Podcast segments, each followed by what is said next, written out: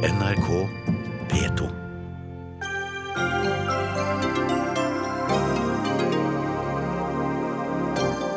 Røyker du hasj annenhver uke, da kan politiet ta førerkortet ditt, mens folk som drikker, slipper unna.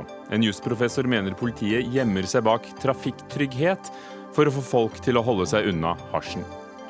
Heimevernet får stryk i hemmelig rapport. Dette har vi advart mot, sier Senterpartiets Liv Signe Navarsete. De har ingenting å vise til, da de selv satt i regjering, svarer Høyre. Ungdomspartiene ber om gratis prevensjon til unge under 16 år nok en gang. De fleste partiene har ikke bestemt seg, selv om temaet har vært diskutert i 20 år.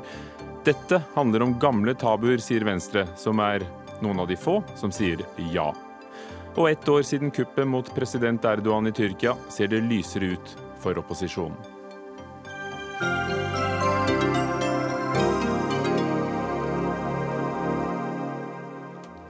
Velkommen til Dagsnytt 18 med Ugo Fermariello. Politiet kan eh, slå fast at du ikke er edruelig og ta førerkortet ditt selv om du aldri faktisk har kjørt med rusmidler i blodet. Interesseorganisasjoner og kommentatorer mener politiet er strengere overfor folk som røyker hasj, enn noen som drikker alkohol, når de vurderer om du er skikket til å være i trafikken. Bergens Tidende har omtalt flere saker der folk har mistet førerkortet fordi de i avhør har innrømmet at de røyker hasj annenhver uke. I en av sakene som ble omtalt, mistet flere ungdommer i Bergen førerkortet fordi de hadde innrømmet nettopp jevnlig cannabisbruk i avhør med politiet. Hans Fredrik Martinussen, jusprofessor i formuerett ved Universitetet i Bergen, og du sitter også i styret for Foreningen for tryggere ruspolitikk i Hordaland. Du mener altså politiet bryter loven i disse sakene. Kan du begrunne det? Ja, altså For det første så legger de terskelen for edruelighet altfor lavt.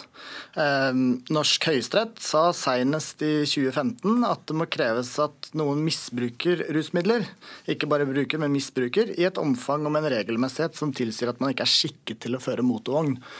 Eh, sånn at Enhver bruk av hasj er ikke rusmisbruk. Eh, og, og, og, Politiet uttalte i BT senest i forrige uke at hvis man ble tatt to ganger for å bruke hasj, så måtte man regne med å få beslaglagt førerkortet. Og Det er rett og slett ikke det eh, loven legger opp til. Og Dessuten så gjør politiet i sine vedtak ingen skikkelig vurdering av om trafikksikkerhetshensyn tilsier at førerkortet skal inndras. De sier nærmest at hvis du ikke er edruelig, så er du per definisjon en trafikkrisiko. Og det gjør de selv om eh, Borgarting lagmannsrett senest for kort tid siden sa at slik vurdering må man gjøre, og det fremgår også av høyesterettspraksis.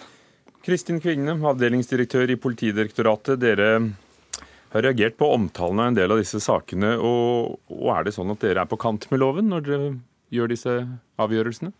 Ja, først har jeg lyst til å si at uh, Hvert år så er det jo slik at over 100 personer blir drept i trafikken, og flere tusen blir skadd.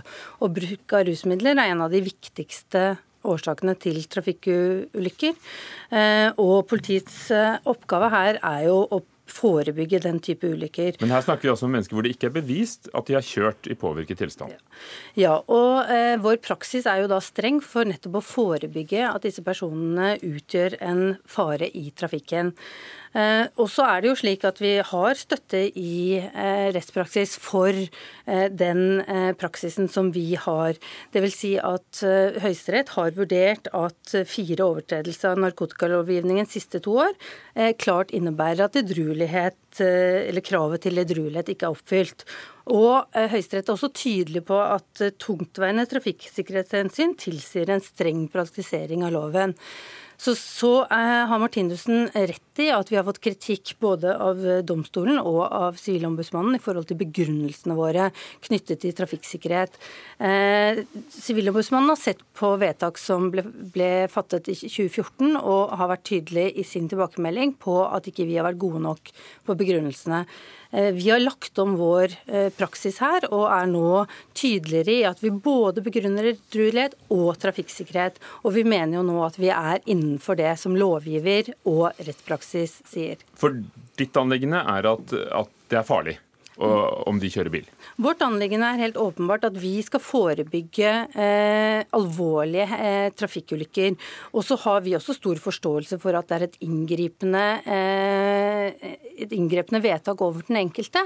Men her er jo vår oppgave å balansere den enkeltes Eh, ønske og behov for førerkort mot eh, befolkningens eh, krav på å være beskyttet i trafikken. Martinussen, Dette handler jo da altså ikke om folk som er blitt stanset i trafikken, men folk som på en eller annen måte er blitt, blitt tatt med hasj da, og sagt i avhør at de, at de har, har, røkt jevnlig. Og det står jo da i veitrafikkloven. Dersom innehaveren av førerretten ikke er edruelig osv., kan han ikke anses skikket til å føre motorvogn. Holder ikke det? For dere viser jo til hver deres rettsavgjørelse som går i, i begge retninger. Nei, vi viser til den samme, men, men Kvinge gjengir den ikke korrekt. Uh, altså, Den saken fra 2015, der, var, der sier Høyesterett, jeg kan sitere fra dommen, at når A i de siste to årene før vedtaket er straffet for til sammen fire overtredelser av narkotikalovgivningen, gir det en klar indikasjon på et vedvarende og aktuelt misbruksmønster som går utover det sporadiske.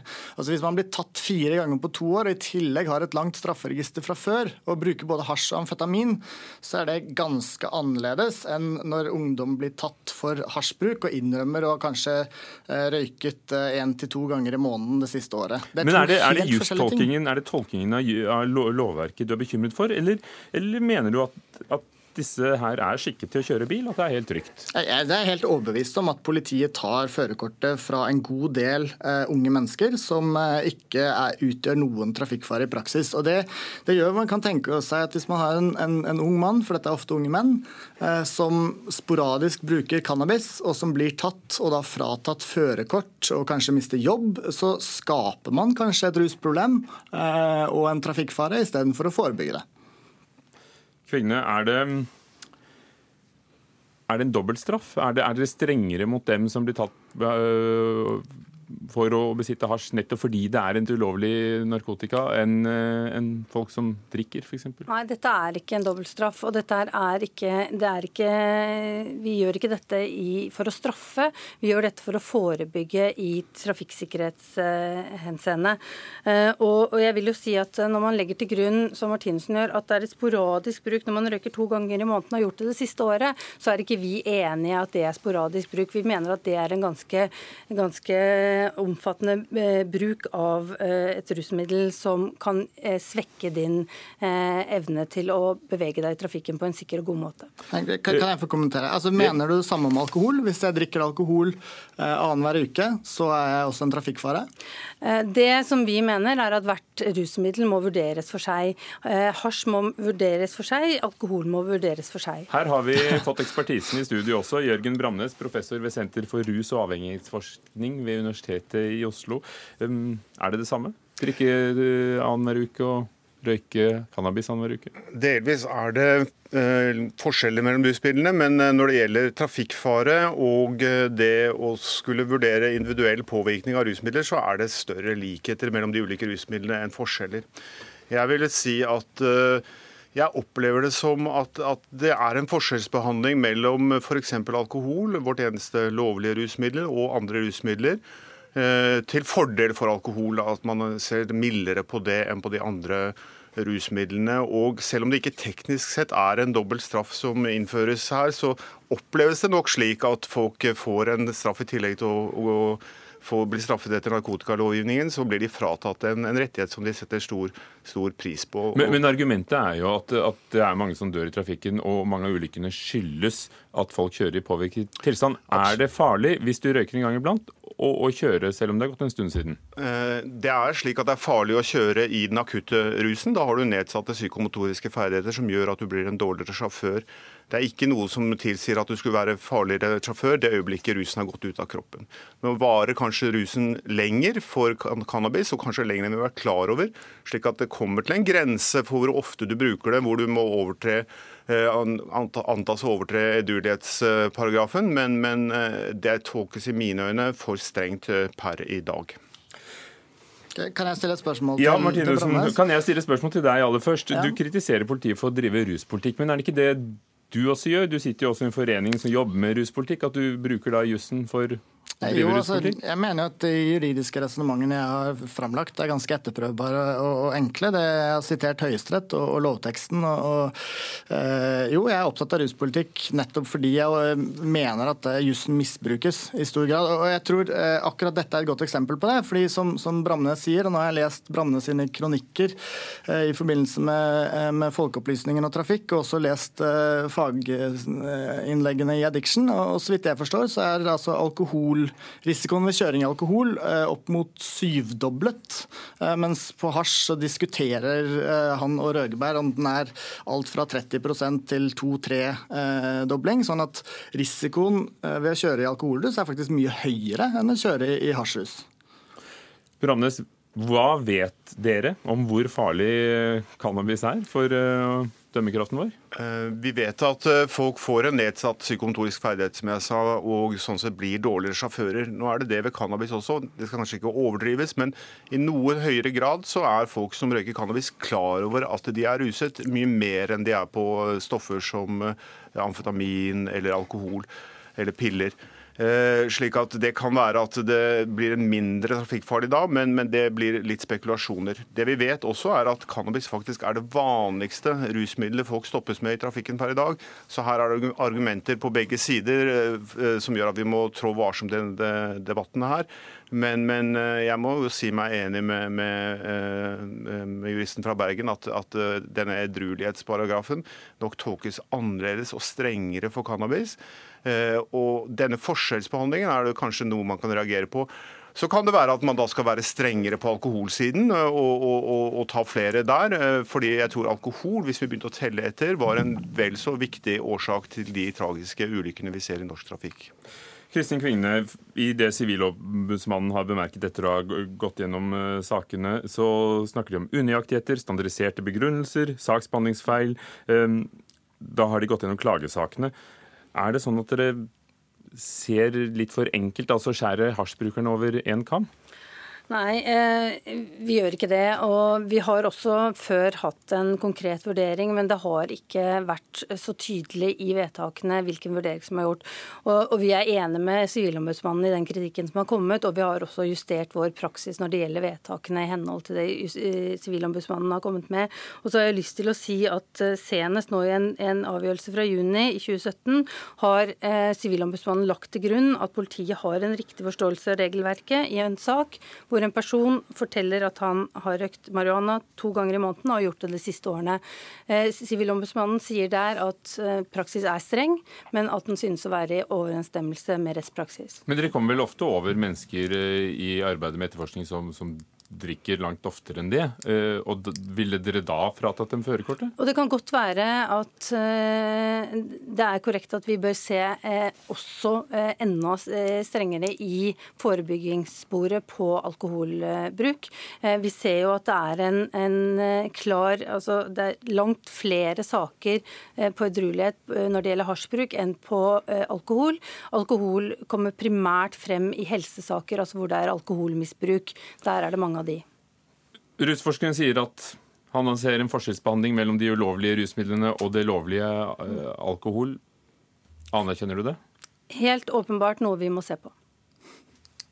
Det syns jeg høres eh, bra ut. Eh, og men jeg er igjen eh, fremdeles litt bekymret for at man, man dømmer eh, cannabisbrukere noe for hardt. Jeg er ikke sikker på om det er en riktig vei å gå i forhold til eh, å øke trafikksikkerheten. Martinussen, det høres ut som du, du har et langt lerret å, å bleke i din kamp for at edruelighet skal tolkes annerledes av politiet? Ja, jeg, etter å ha sett liksom, politiet og da Kvinge skrive i BT bare for en uke siden at hvis man blir bøtelagt to ganger og eller noe som hun nå sier, hvis man har røyket én eh, til to ganger i måneden eh, siste halvåret, så er man ikke edruelig, så har jeg ingen tillit til at Politidirektoratet kan håndtere dette på en god måte. Jeg mener egentlig at det er en oppgave de har vist at de ikke kan håndtere, og at det burde flyttes til en annen etat, f.eks. til Statens vegvesen. For det, det, dette er dette er avskrekking, og det finnes masse eksempler fra ulike aviser som blar seg gjennom, at dette er noe man gjør fordi man vet at det er virkningsfullt overfor unge mennesker og truer dem med å miste sertifikatet. Det er ikke OK, og det er at politiet politiet setter seg over liksom, grunnleggende eh, demokratiske institusjoner, utover Stortingets vedtak, sivilombudsmann, domstoler. Vi skjønner. Kvinnene, er, det er det noe for Vegvesenet isteden, dette? Nei, det tror jeg ikke. Og jeg vil eh, jo tilbakevise at vi setter oss over Stortingets eh, vilje her. Eh, Stortinget og lovgiver har vært tydelige på hva de ønsker. Vi, vår praksis er i tråd med, med både det Sivilombudsmannen sier og det høyesterettspraksis er. Vi møtes eh, nok igjen. Takk skal dere ha. Kristin Kvigne fra Politidirektoratet, Jørgen Bramnes, eh, professor ved Senter for rus- og avhengighetsforskning, og Hans Fredrik Martinussen, professor ved Universitetet i Bergen. Dagsnytt 18 alle hverdager klokka 18.00 på NRK P2 og NRK2.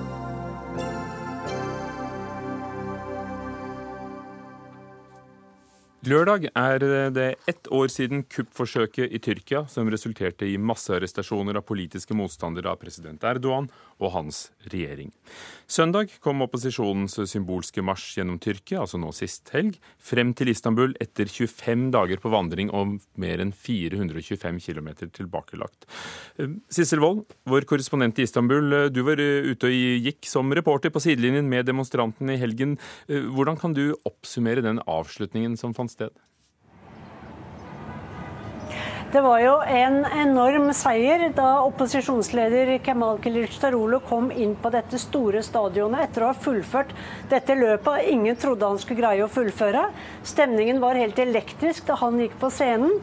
Eh, det er en diskusjon her i Tyrkia nå hvor mange som var der, fordi myndighetene mener at det bare var 175 000 mennesker som tok imot ham.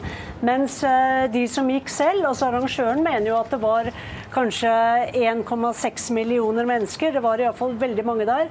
Stemningen var nesten som på Woodstock, eller denne Gezi-proteststemningen, hvor alle var veldig lettet og glade over at det er blåst liv i opposisjonen. Det er jo veldig mange som er opprørte her i Tyrkia. 150 000 mennesker har mistet jobbene sine. Det er veldig mange som eh, er eh, preget av det. Så det var en stor seier. Også viktig å vite at Kemal Kilicdaroglu var veldig nøye med å si at ingen av marsjdeltakerne måtte gå med politiske slagord. Det var bare ett ord som gjaldt, rettferdighet. Og det var ikke brukt eh, partibannere eller flagg. Og med dette, at han, det, mm, at han hevet det over politikk, gjorde at mange deltakere kom også til marsjen fra andre partier. Eh, til og med misfornøyde AKP-velgere var med på marsjen. For Du fortalte Sissel Wold i, forrige uke om hvordan nettopp Kemal Kiristarolo har lykkes i å samle eh, de tidligere ganske splittede og uenige opposisjonspolitikerne. Eh, eh, men hvis de noen gang skulle kommet i en, eh, i en mektigere posisjon, ville de klart å, å legge stridighetene og partipolitikken til side? Ja, Det er jo et stort spørsmål, for her er det pro-kurdiske partiet HDP. Det er nasjonalister, beinharde nasjonalister. Det er eh, folk som er veldig sekulære, som bare er imot religion.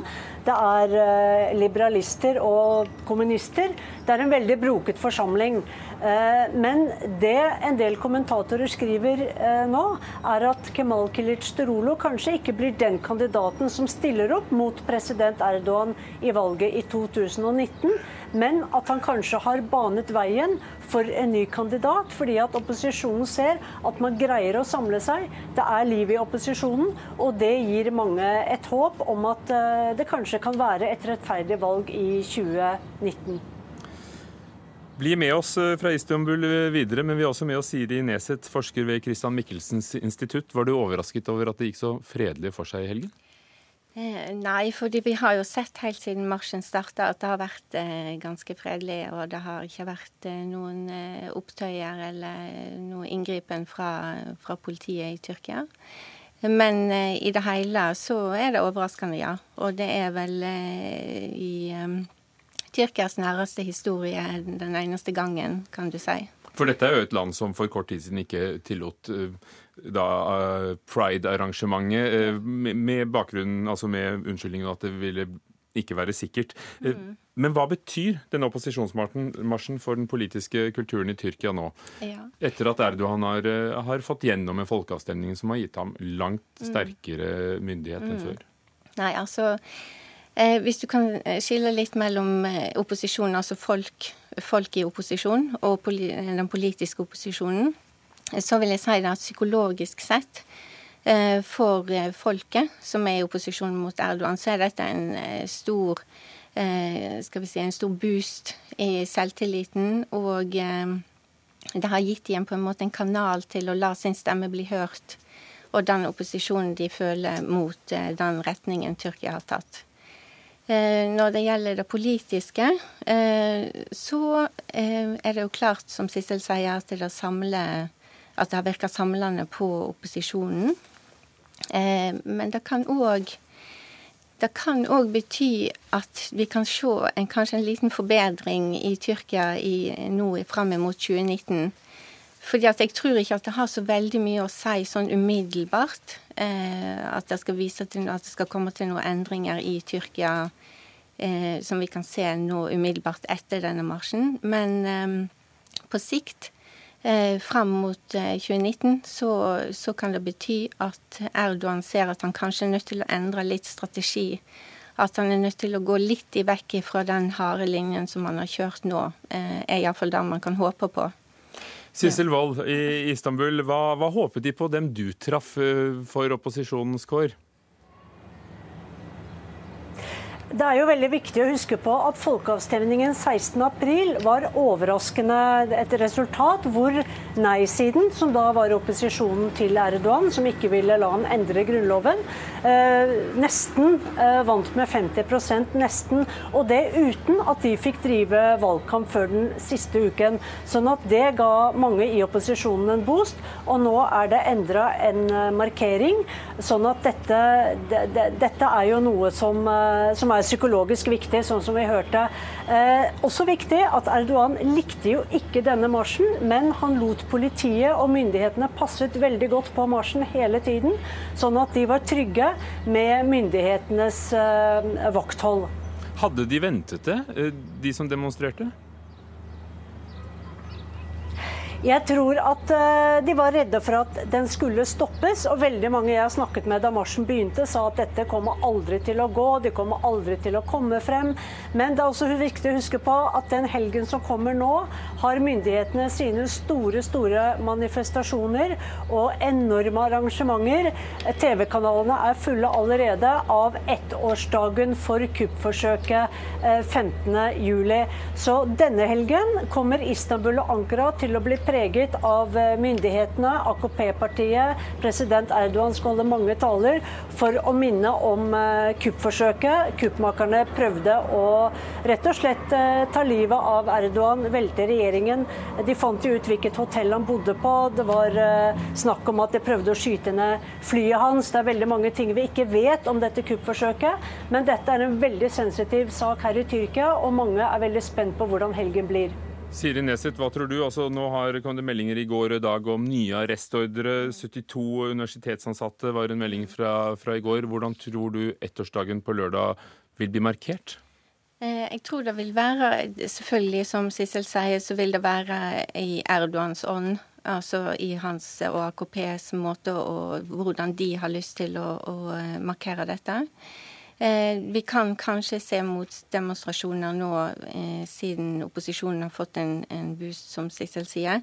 Eh, men jeg tror nok i det store hele at det vil være en AKP-fest, på en måte, eller markering, i, i Erdogans Erdogans parti, altså. Ja, ja, riktig. Vi får se. Takk skal Så... dere ha. Siri Neseth, forsker ved Christian Michelsens institutt, og Sissel Wold, vår kvinne i Istanbul.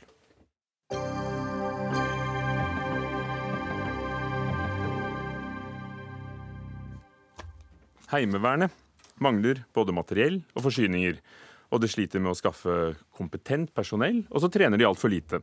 Det er krise i beredskapen til landets heimevernområder, og dette kommer frem i en rapport som er hemmelig, men som Klassekampen tydeligvis har fått uh, tilgang til, og som vi hørte om uh, både i Klassekampen og i, i Dagsrevyen i går. Det er Håkon Brun-Hansen som selv har skrevet rapporten, altså forsvarssjefen. Og av 249 områder som Heimevernet her har, er det bare ett som blir definert som beredskapsklart. Liv Signe Navarsete, stortingsrepresentant og medlem av nettopp utenriks- og forsvarskomiteen for Senterpartiet. Dette virker jo ikke betryggende. Er du overrasket over konklusjonen i, i denne rapporten?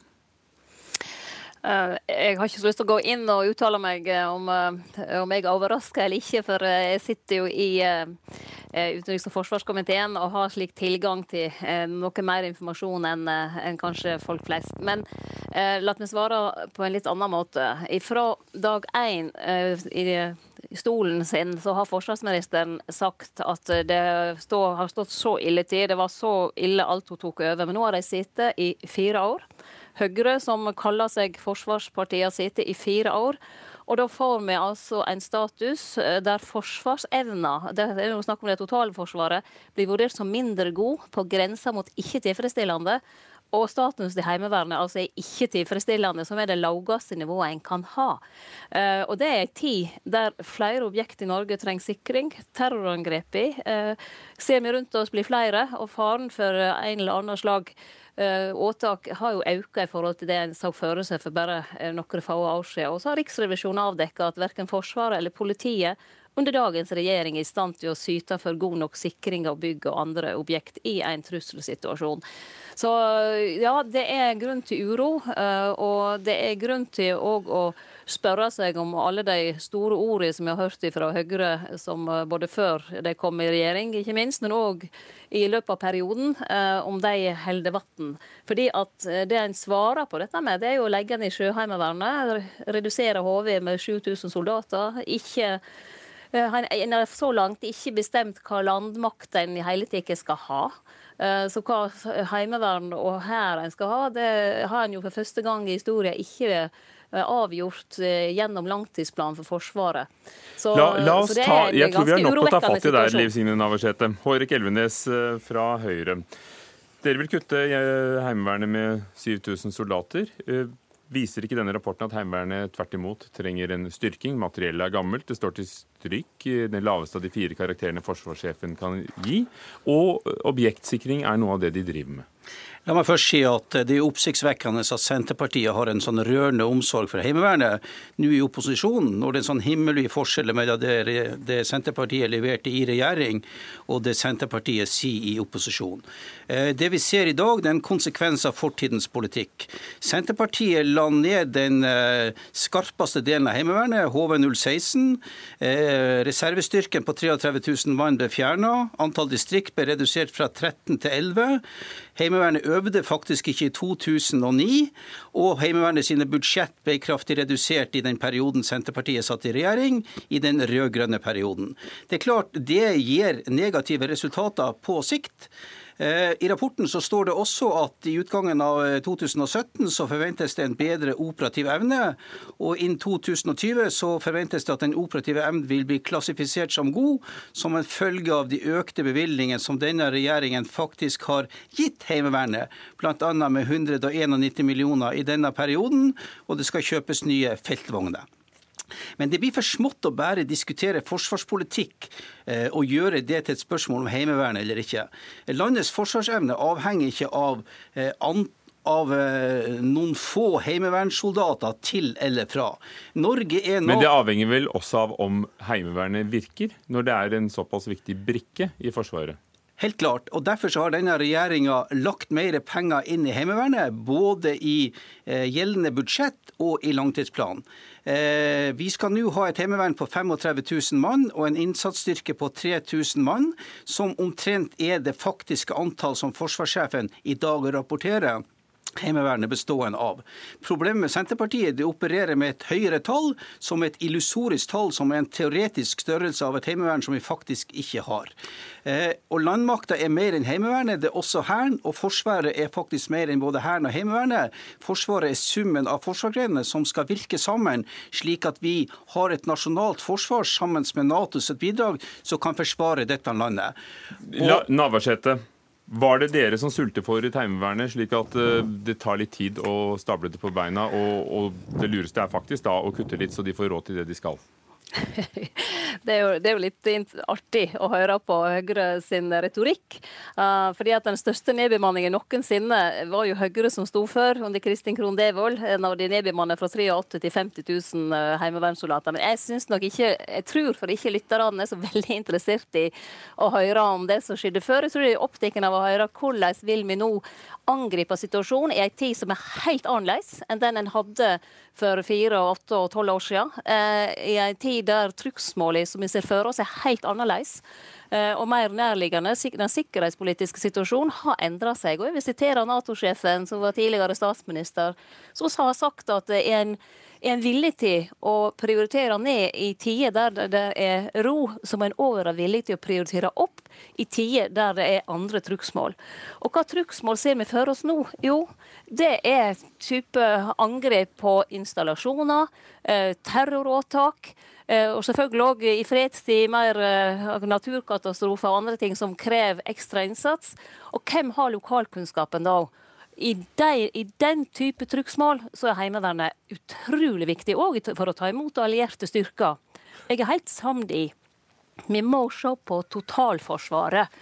Eh, men når Høyre sier det, hvordan kan det da ha seg at de la fram en to tredjedels langtidsplan der en bare, så, bare, har gjort vedtak om Sjøforsvaret og Luftforsvaret, mens landmakta den står. Og en ting til. Det blir sagt at det er det reelle tallet Høyre forholder seg til regjeringa.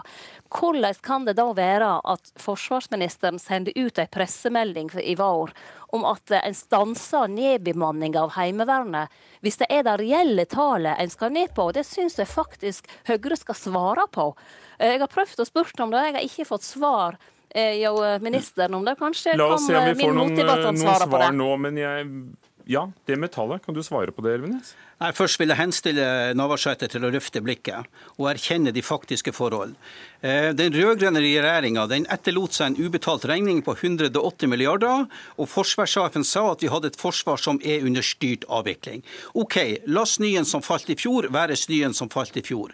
Men det er børa som denne regjeringa har arva og bærer tungt og gjør noe med. Og dere har da utsatt? For første, for første gang på 25 år blir det lagt fram en, handlings, en langtidsplan for Forsvaret som erkjenner at Forsvaret faktisk har vært underfinansiert, og som gjør noe med det. Nå legges det inn 180 milliarder mer i Forsvaret, og det skal brukes 1100 milliarder på Forsvaret de neste 20 årene. Dette er et taktskifte. Det er et helt nødvendig taktskifte i forsvarspolitikken, der nedbygginga av Forsvaret som, som har skjedd gjennom flere år, nå blir snudd til og en Elvenes, gjenoppbygging. Når dere vil bygge Forsvaret det... opp til 2% som Nato ber om, ville det ikke da vært rom til å styrke Heimevernet også? Dere har jo utsatt utredningen av det fra langtidsplanen. Heimevernet blir styrka. Heimevernet får nye våpen. Heimevernet får nye feltvogner. Heimevernet øver nå langt mer enn tidligere og har nådd sitt måltall for antall øvingsdøgn to år tidligere i planperioden enn det som var forutsatt, og budsjettet er økt med 190 millioner kroner i 2017. I tillegg til dette så Der, Elvenes, må vi avslutte denne debatten. Takk. Takk skal dere ha. Hårek Elvenes fra Høyre, Liv Signe Navarsete fra Senterpartiet.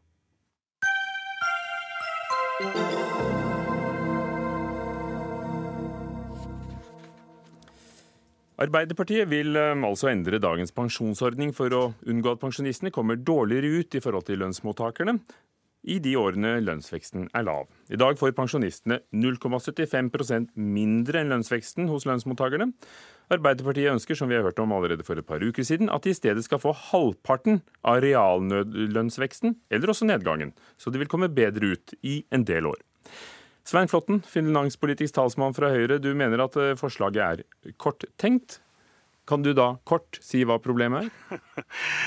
Det kan jeg gjøre, for det betyr at pensjonistene vil ikke kunne ta del i eh, veksten i økonomien, eh, økningen i lønninger. Nå ser vi at eh, ledigheten faller, vi ser at det er en viss vekst i økonomien.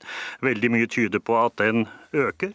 Og da vil vi få også bedre lønnsoppgjør. Så det betyr at med Arbeiderpartiets forslag så vil ikke de eh, pensjonistene ta del i den lønnsøkningen, den velferdsøkningen som også kommer på den måten, i årene som kommer.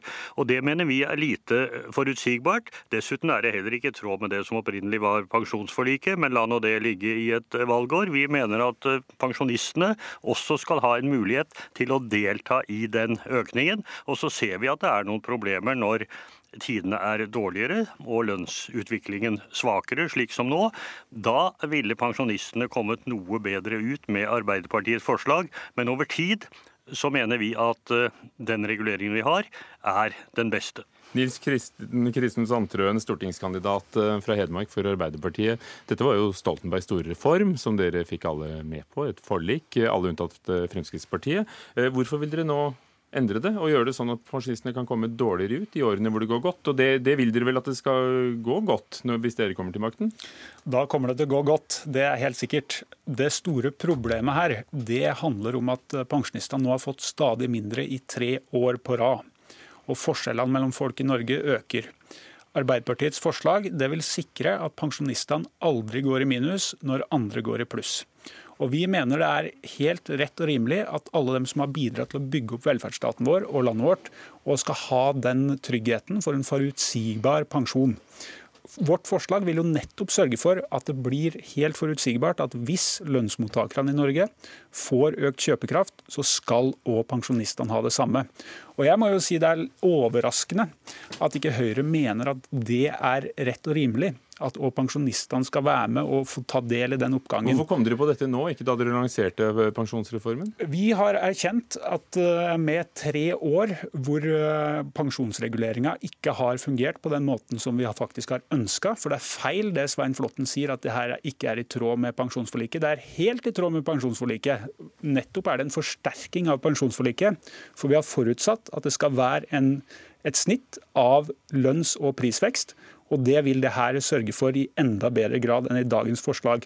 Så vi kan eh, betrygge både Svein Flåtten og alle andre som eh, viser nå stor omsorg for pensjonsforliket, at dette her vil gi en eh, økt forutsigbarhet, men òg en økt oppslutning og tillit til pensjonssystemet vårt. og Det er veldig viktig. Svein Flåten, for det har jo vært noen misfornøyde pensjonister de siste tre årene, men, men dere har dere har jo da også gitt skatteletter. Altså, hvordan vil du si at pensjonistene kommer ut eh, og har kommet de siste tre årene i forhold til lønnsmottakere? Jeg vil si at de totalt sett eh, kommer bedre ut. Ikke gjennom reguleringen, det er helt riktig, men de kommer bedre ut ved at vi har gitt betydelige skattelettelser. Det er nå én ting. Så er det ikke alle som får glede av skattelettelser. Noen tjener så vidt lite at de, i pensjon at ikke de får det. Men vi har jo også økt minstepensjonene.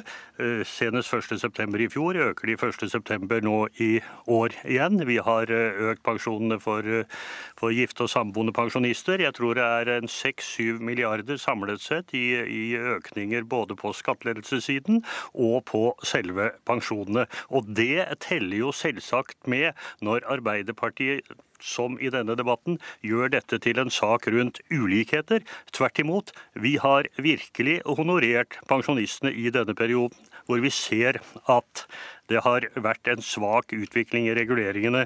Men jeg hører ikke at eh, det blir svart på mitt eh, oppspill om hva vil man ikke at pensjonistene skal få del i en god lønnsutvikling når veksten kommer. Jeg hører Arbeiderpartiet sier at den kommer straks de eventuelt kommer til makten. Vi ser allerede nå at det kommer en god utvikling i norsk økonomi. Da bør også pensjonistene som har bidratt til å bygge opp dette landet, få ta del i det. Det tror jeg faktisk at de ønsker. Og så tror jeg de vil se at regjeringen også har tatt vare på de underveis i dette systemet ved La oss høre, da, Sandtrøen. Ja. Fordi det er jo sånn at i år hvor det går bedre enn halvannen prosent for eh, lønnsmottakere, så vil pensjonister tjene på dagens system. Ja, men de vil òg gå i pluss med vårt nye forslag. Det er det som er kjernen i forslaget vårt. Men mindre i pluss enn med dagens system? Ja, men da snakker vi år som har en lønnsvekst som er langt høyere enn det som er situasjonen i dag. Og det ser ikke ut til at den kommer til å bli noe i nærheten av å være så høy i det året som vi er inne i nå, ei heller neste år. Så det som er kjernen her, som mange pensjonister etterspør, som vi møter når vi er ute og treffer folk, det er jo nettopp den usikkerheten, at de ønsker å bli kvitt den. Og det har vært veldig stor reaksjon på nettopp det at så mange personer som har bidratt over så mange år i arbeidslivet, da faktisk skal få redusert kjøpekrafta si, ikke bare ett år, to år og tre år på rad. Og jeg må si at jeg er litt overraska over den virkelighetsbeskrivelsen som Svein Flåtten gir. For det er faktisk sånn at mange i Norge nå har reelle utfordringer med å få endene til å møtes. Men at minstepensjonen går opp, at det har vært skattelettelser til glede for ja, noen? Det kan jeg gjerne kommentere med minstepensjonistene. Det var jo reelt sett et forslag fra KrF og Arbeiderpartiet. Men det er, vi snakker om nå, det er pensjonssystemet. Og da må jeg bare si at jeg er litt overraska at en ikke tar det på alvor. Nettopp det at pensjonister har reelle utfordringer med å få endene til å møtes. Man skal ha ansvar for økonomien sin. og både Dere ha... har jo begge møtt pensjonister, og vi har også møtt en pensjonist. Nemlig deg. Vi skal. Harald Olim Nordmann, generalsekretær i Pensjonistforbundet. Eh, Ja, Hva syns dere om, eh, om Arbeiderpartiets utspill om å endre pensjonsordningen? Ja, vi, vi, har sagt at det er et, et, steg i riktig retning. Det er, ikke, det er, ikke, godt nok det de kommer med, men det er å få ting ut av et veldig rigid system. Det, jo, det skal jo trekkes 0,75 på lønnsveksten om så Dovre faller, og det er jo helt håpløst. Har du, har du, en lønns- og en prisvekst som er helt lik, så skal det allikevel trekkes 0,75. og Det er dette rigide systemet som vi applauderer at Arbeiderpartiet nå vil åpne og, og, gjøre noe med. Men de går ikke langt nok når de sier at de skal ha et gjennomsnitt av lønn, lønn og pris, men det er et steg i riktig retning. Men hva sier du, Dere er jo partipolitisk uavhengig, står det på ja. nettsiden deres. Hva sier du til Høyres argument om at dette er jo en helhet? Det handler også om skattelettelser, minstepensjon, og, og at i noen år så går det jo da bedre? Ja da, og til Svein Flåtten så er det han, han kan med rette skryte på seg at, at pensjonistene har fått eh, om lag 7,2 milliarder kroner i skattelette og annet, så kan, jeg, så kan, jeg, samtidig fortelle han at hvis pensjonen hadde blitt regulert med lønnsveksten i samme perioden, så hadde utgiften til staten blitt 6 milliarder, så det hadde kanskje lønt seg å, å høre på Pensjonistforbundet og si at pensjon bør reguleres med lønnsvekst. Da hadde, da hadde det vært mye greiere. Eh, det vi har opplevd i denne fireårsperioden med denne regjering, det er at vi to ganger har bedt om i, å komme inn i teknisk beregningsutvalg. Eh, første gang med Robert Eriksson som statsråd, og andre gangen med Anniken Hauglie som statsråd. og Begge ganger har vi fått nei. Som beregner lønnsveksten altså. Men nå har dere opplevd eh, ny oppmerksomhet, er det ikke sånn? Ja, og det er, jo, det er jo, veldig bra. Og det er jo, det er jo påfallende da, at med en gang Arbeiderpartiet kommer med et, eh, et, forslag som er annerledes enn dagens system, så kommer Høyre på banen. De kunne ha vært på banen i alle fire år, og vi har bedt om samtaler med statsministeren i alle disse fire åra. Og nå har de Men, ringt deg fra kontoret hennes? Da, nå har de ringt fra kontoret, og det var en hyggelig samtale, det. Men den kunne jo ha kommet før Arbeiderpartiet kom med sin. Da hadde vi kanskje fått løst floken for lenge siden. For det er en floke, det innrømmer jo også eh, Svein Flåtten, at Eh, I tider hvor, hvor, eh, pris og lønn er omtrent likt, så vil pensjonistene komme dårlig ut. og Det har aldri vært intensjonen i pensjonsreformen at pensjon skal reguleres lavere enn prisvekst, men det har også skjedd tre år på rad. Tror du Harald Olim Nordmann, at all denne oppmerksomheten kan skyldes at, at det er valg snart? Selvfølgelig. Selvfølgelig da konkluderer vi der, og så møtes vi alle igjen før valget. Takk skal dere ha. Harald Olim Nordmann fra Pensjonistforbundet, generalsekretær, Svein Flåtten fra Høyre og Nils Kristen Sandtrøen, stortingskandidat fra Arbeiderpartiet. Takk. Hør Dagsnytt 18 når du vil. Radio NRK Radio.nrk.no.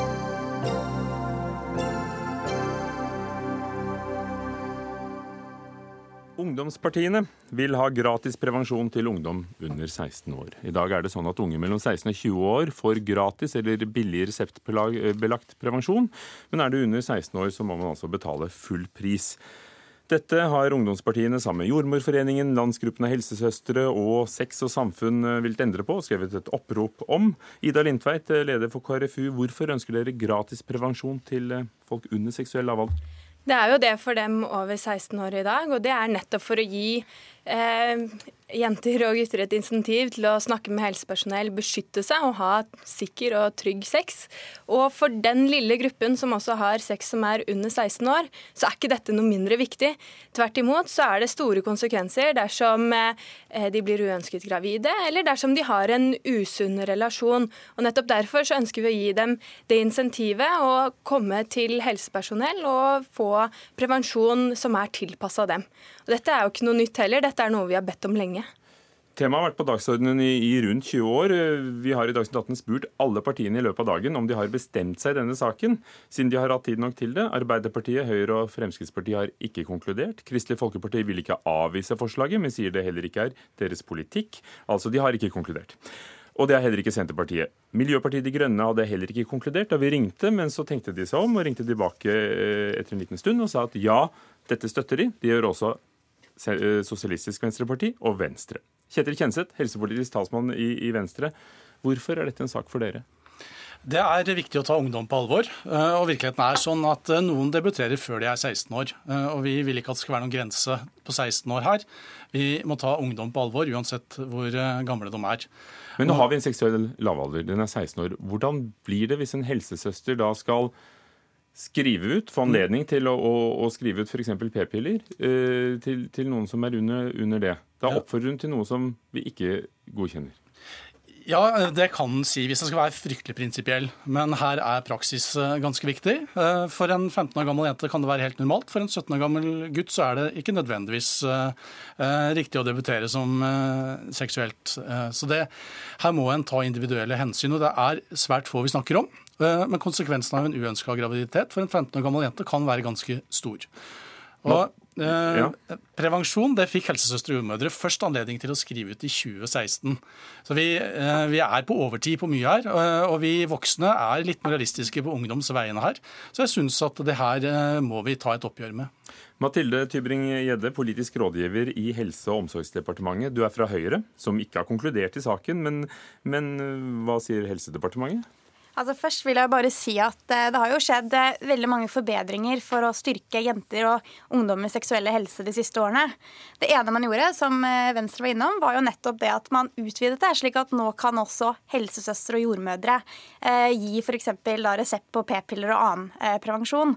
Og I tillegg så har vi utvidet subsidieringsordningen, slik at nå får jo eh, unge over 16 år også dekket all type prevensjon, og ikke bare p-piller. Så det har skjedd en rekke endringer. Eh, men så er det faktisk slik at eh, det er noen problemstillinger knyttet til den seksuelle lavalder, eh, hvorvidt man skal utvide ordningen til også gjelde de under. Eh, og Det er noe vi de er i gang med å arbeide med i departementet, og arbeidet med en stund. Eh, Alle ungdomspartiene er for. Ja. Hva er du? Jeg mener at det er um, mange gode grunner som tilsier at når noen unge først er seksuelt aktive, når de, når de er 13-14-15 år, så er det aller viktigste at de får eh, trygghet hos et helsepersonell og får den hjelpen de trenger. Men på den annen side så er det noen problemstillinger. Og én problemstilling som jeg tror vi må ta frem, er jo det at i straffeloven så er det straffbart å ha sex med noen som er under 16. Det er voldtekt å ha sex med noen under 14. Slik at når en helsesøster f.eks. får en 14-åring eh, på døren med sin fire år gamle eldre kjæreste og ønsker å få eh, f.eks. p-piller, så har hun etter straffeloven et avvergingsansvar. Altså hun er forpliktet til å avverge et straffbart forhold. Og Det er en litt sånn problemstilling, for da har du en helselovgivning som sier at hun skal gi hjelp, og ha taushetsplikt. Og så har du en straffelov som sier at det er straffbart. Så en av problemstillingene er jo at dette ikke helt henger sammen, og noe vi må se på fremover. Ida Lindtveit, eh, hvordan synes du de skal se på den saken? og Nei, den problemstillingen der? Jeg syns jo at man har hatt veldig lang tid for det første til å se på denne saken, og at man burde kunne konkludere tidligere.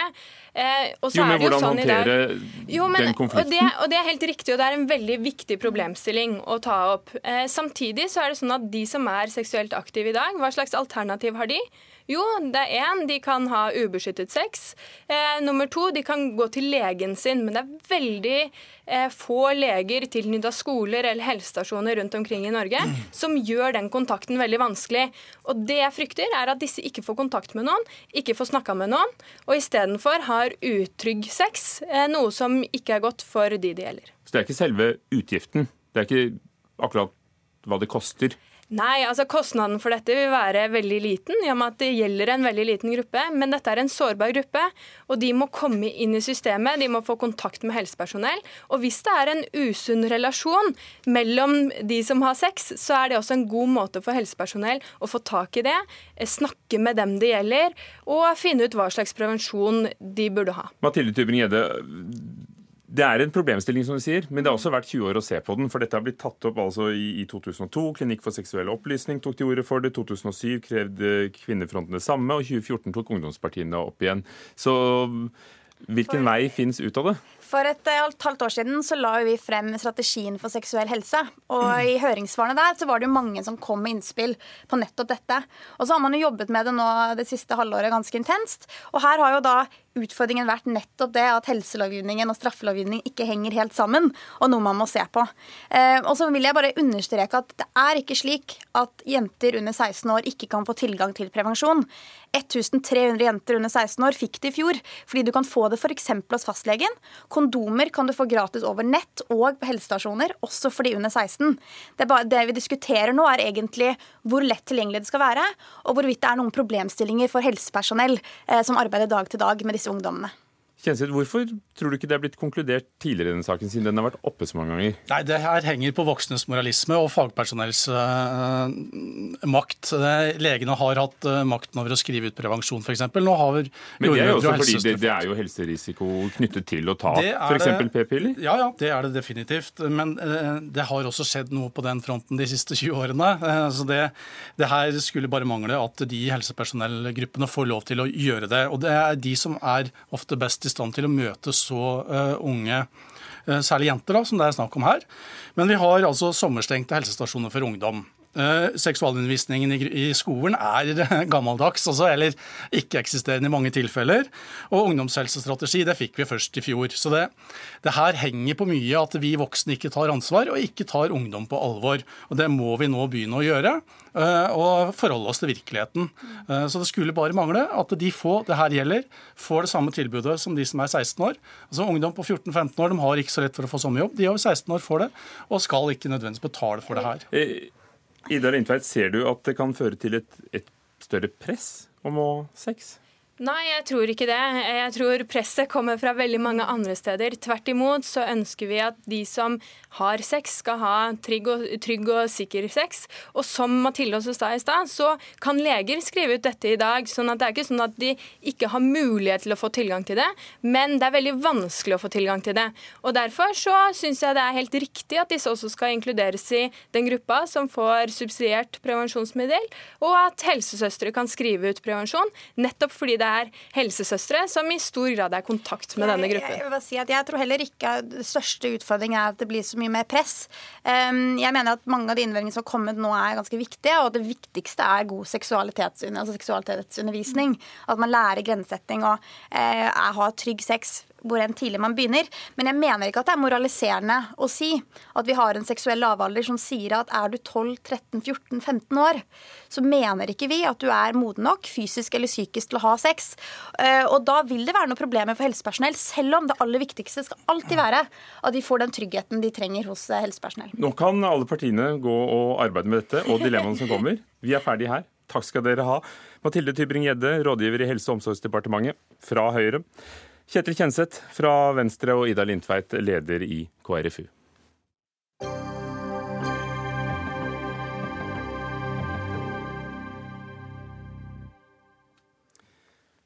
Fem personer som søkte asyl på bakgrunn av seksuell legning, fikk opphold i utlandet, andre land enn Norge, etter at de hadde fått avslag i Norge, og dette skrev Dagsavisen om i går.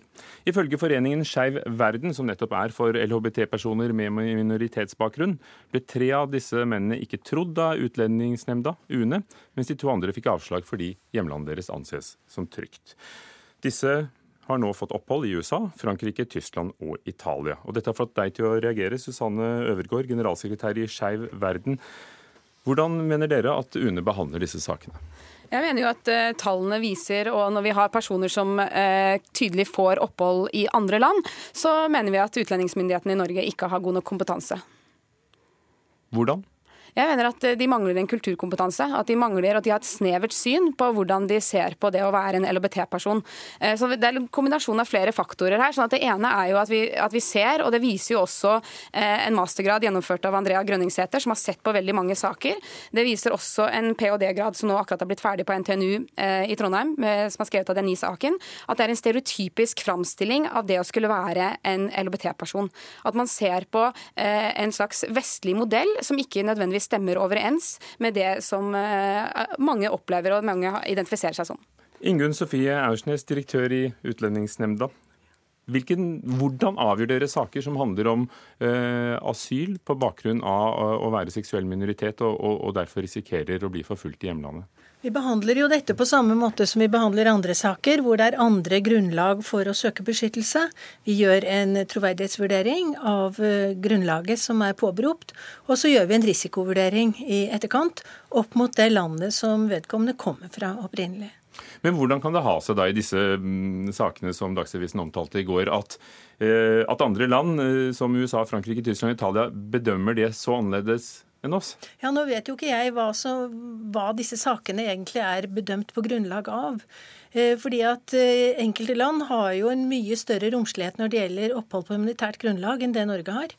Så folk som har fått avslag på beskyttelsesspørsmålet her, med bakgrunn i seksuell legning, de kan jo få opphold i et annet land på humanitært grunnlag. Italia f.eks. har jo mye større rom for humanitært eh, grunnlag, opphold på humanitært grunnlag, enn det Norge har. Så jeg kan ikke kommentere det utover det, at her vet vi ikke på hvilket grunnlag disse har fått opphold. Hva mener du med det å ha en vestlig forståelse av hva det er å være homofil, som det var snakk om for disse mennene? Eh, veldig ofte så stilles det spørsmål rundt det her med at man skal føle et skam knyttet til sin seksualitet. Man skal snakke om at man har følt seg annerledes, eh, og man skal ha en viss sånn stigma knyttet til det, i tillegg til da den risikovurderingen vi snakker snakker om. Eh, og det er ikke alle som har den stereotypiske måten å snakke om sin egen seksuelle identitet eller kjønnsorientering på. Eh, sånn at eh, det å skulle liksom hele tiden stille disse spørsmålene rundt der, det, det mener vi ikke er godt nok. Det sagt så er den personen som nå befinner seg i USA, det er en person som ble deportert fra Norge til Afghanistan i 2012 fordi at man ikke trodde på at han var homofil. Og så etterpå så har han fått flyktningstatus av UNHCR, som er også det som vi forholder oss til i våre retningslinjer i Norge. Norge. og Der har de bedømt at han er homofil og har behov for da flyktningstatus grunnet dette. Hva kan årsaken være til at, eh, til at eh, dere ikke har fanget opp dette, hvis dette stemmer? Nei, men det er akkurat kan det det være at dere ikke forstår eh, situasjonen deres? Nei, la meg ta en ting av gangen. Hvis dette stemmer, det er på en måte spørsmål én her. Fordi at vi vet fortsatt ikke på hvilket grunnlag eh, amerikanerne i så fall ga, eh, eller UNHCR i USA ga opphold. Men vi streber etter å gjøre dette så godt og så profesjonelt og så riktig som mulig. Jeg synes det er veldig leit at Skeiv Verden har det bildet av vår saksbehandling som det gis uttrykk for her. Jeg er veldig glad for at vi allerede for en tid siden har invitert Skeiv Verden til å komme og holde foredrag i UNE, og jeg vet at det er en løpende kontakt med Skeiv Verden. Vi underviser faktisk i andre land akkurat på dette spørsmålet. Folk fra oss underviser i andre land. Vi inviterte uh, Foreningen FRI til å komme på en stor dommerkonferanse som vi arrangerte i fjor. Og vi oppsøker hele tiden steder hvor vi kan lære mer. Og jeg sier ikke at det er perfekt måten vi gjør det på, men det er noe med nivået for den kritikken vi får nå, som, som jeg syns er lei. Fordi at, at jeg syns vi må heller snakke mer sammen for å, å, å, finne ut av om vi kan forbedre oss, og om vi kan få overført til dere forståelsen av hvordan vi jobber med disse viktige sakene. For dere jobber med disse sakene som andre saker. Burde dere heller hatt eget, eh, en egen vurderingspraksis for LHBT? Personer? Ja, dette er jo et dilemma. for Skal vi ha det for konvertitter? Skal vi ha det for politisk opposisjonelle? Altså, vi har jo en, eh, Vår bemanning består jo av folk som speiler den norske befolkning, også når det gjelder seksuell legning. Og så blir det alltid vanskelig, fordi vi kan ikke gå inn i enkeltsakene. Nei, men, men eh, Susanne Øvergaard, hva er ditt råd, ditt, dine klareste råd til UNE, hvis du mener at de, eh, de ikke gjør det på riktig måte? UNE sin, UNE sin egen statistikk sier at de møter 2-5% av de som de fatter vedtak for. Og Jeg skjønner ikke at, eh, jeg tror at For de fleste av oss altså, kan det virke litt absurd at man skal fatte vedtak basert på om noen er tilhører en seksuell minoritet eller ikke, uten å ha møtt dem. Men det gjelder jo også politisk uh, opposisjonelle, f.eks. alle andre kategorier? Absolutt. Så jeg mener at man burde ha en større andel for personlig personlig fremmøte hos UNE. Hvilke råd gir dere til asylsøkere, for det er jo en del av, av det dere driver med? Ja, altså, vi har Siden 2013 så får alle som søker asyl på dette grunnlaget, få kontaktinformasjon til vår organisasjon. Nå er det litt vanskelig fordi det er jo manuell telling eh, ymse steder, men vi regner med at rundt ca. 80% av de tar kontakt med oss. og Det er da i forhold til eh, de tallene som UDI opererer med. Eh, og Av oss da så får de ikke noe juridiske eh, altså bistand. Vi har ingen jurister som jobber hos oss. Vi er en egen organisasjon, Selvhjelp for innvandrere og flyktninger. De har egne midler over statsbudsjettet for å jobbe med det her, men, men de har ikke blitt invitert. Det, det er et vanskelig eh, felt, for det er jo ikke alle som oppgir sanne fakta i, i asylprosessen. Selvfølgelig er det et veldig vanskelig felt, men det betyr ikke at vi skal være noe dårligere allikevel. Jeg håper at vi kan snakke mer om det, eh, og ikke på NRK. Fordi at det er veldig viktig at vi har tillit hos dem som klager. Og Der håper jeg at dere ikke nå har revet ned den tilliten hos klagerne våre. Men dere er hjertelig velkommen igjen til NRK. Takk skal dere ha, Ingunn Sofie Aursnes fra Utlendingsnemnda, Susanne Øvergaard fra Skeiv Verden. Lisbeth Sellereite var teknisk ansvarlig, Jaran Ree Mikkelsen ansvarlig for det hele, Ugo Fermariello programleder for Dagsnytt 18. Takk for i dag. Hør flere podkaster på nrk.no podkast.